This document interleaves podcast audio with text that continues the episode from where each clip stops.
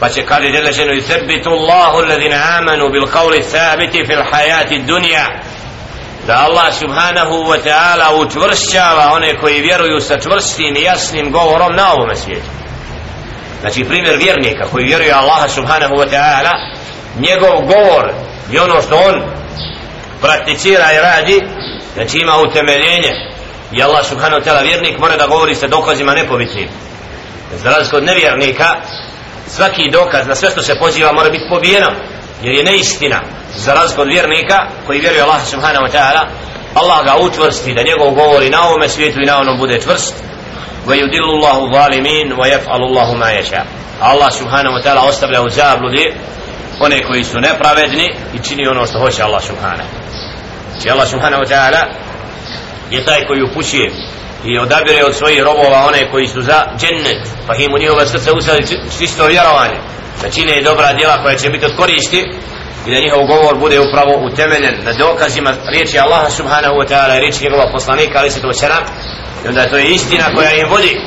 Tako da im taj govor bude od koristi na ovome svijetu a onda istovremeno kad bude stavljen u mezar وهو al-akhira prvi korak ka ahiretu da će Allah subhanahu wa ta'ala vjernika utvrstiti kad bude pitan od strane meleka man rabbuka wa nebijuka, vama wa ma dinu da će vjernik znači kad bude stavljen u mezar kad bude duša vraćena da će jasno odgovoriti bez ikakvog znači dvoumljenja i posvjedočiti da je vjerovao Allaha jedno da je bio Muhammed ali se poslanik da je Islam njegov din. E to je učvršćenje koje na ovom ajetu Allah subhanahu ta'ala govori. يثبت الله الذين آمنوا بالقول الثابت في الحياة الدنيا وفي الآخرة Allah će učvrstiti vjernike sa čvrstim govorom jasnim na ovome svijetu i na onome svijetu molim Allah subhanahu wa ta'ala da nas sačuva kaburskog azaba da nas uči da oni koji će inša Allah ta'ala u tim momentima biti postojani čvrsti jer onaj koji je vjerovo stvoritelja subhanahu wa ta'ala i bio pokoran Allah subhanahu wa ta'ala na samoj samrti dolaze mu meleki u prijatnom liku nam i uzimaju njegovu dušu i ostavljaju prija, ostaju prijatni tragovi od te duše. Rob koji vjeruje Allaha subhanahu wa ta'ala koji je bio pokoran Allahu subhanahu wa ta'ala na samrti njegovo tijelo miriše.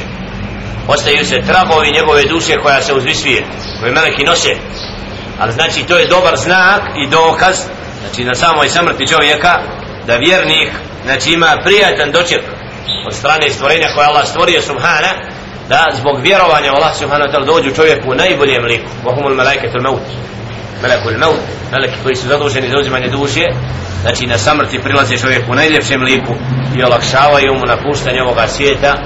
I zato molim Allah subhanahu wa ta'ala i dua an ajalana min من يكون a'maluhu min husnil الخاتمة لما ديلا بدو budu od ديلا يكون مزادني ريتي بدو لا budu la ilaha illa Allah أهل الجنة taj će biti od stanovnika dženneta. Molim Allah subhanahu wa ta'ala da nas učusti na pravom putu da nas učusti od sredbenika Muhammeda alaihi sallatu wassalam i da inša Allah ta'ala na svim iskušenjima koje nam se na putu pravoga na, na pravom putu postavljaju stvrsto savladamo i ne poklaknemo u obmanama mnogih koji su na ovom svijetu kao izgubljeni kao stablo koje nije u zemlji i koje svaki povjetarac lako nosi. A mi vidimo da većina ljudi luta i da je nepokorna Allahu subhanahu wa ta'ala i da se ne odazivaju Allahove riječi. Malo se okupljaju na uputi a u zabludi su u mnoštvu i zahvala Allah subhanahu wa ta'ala koji nas je učinio od oni koji znaju za stvoritelja subhana koji njegovu riječ uče proučavaju i na takav način slijede pravi put.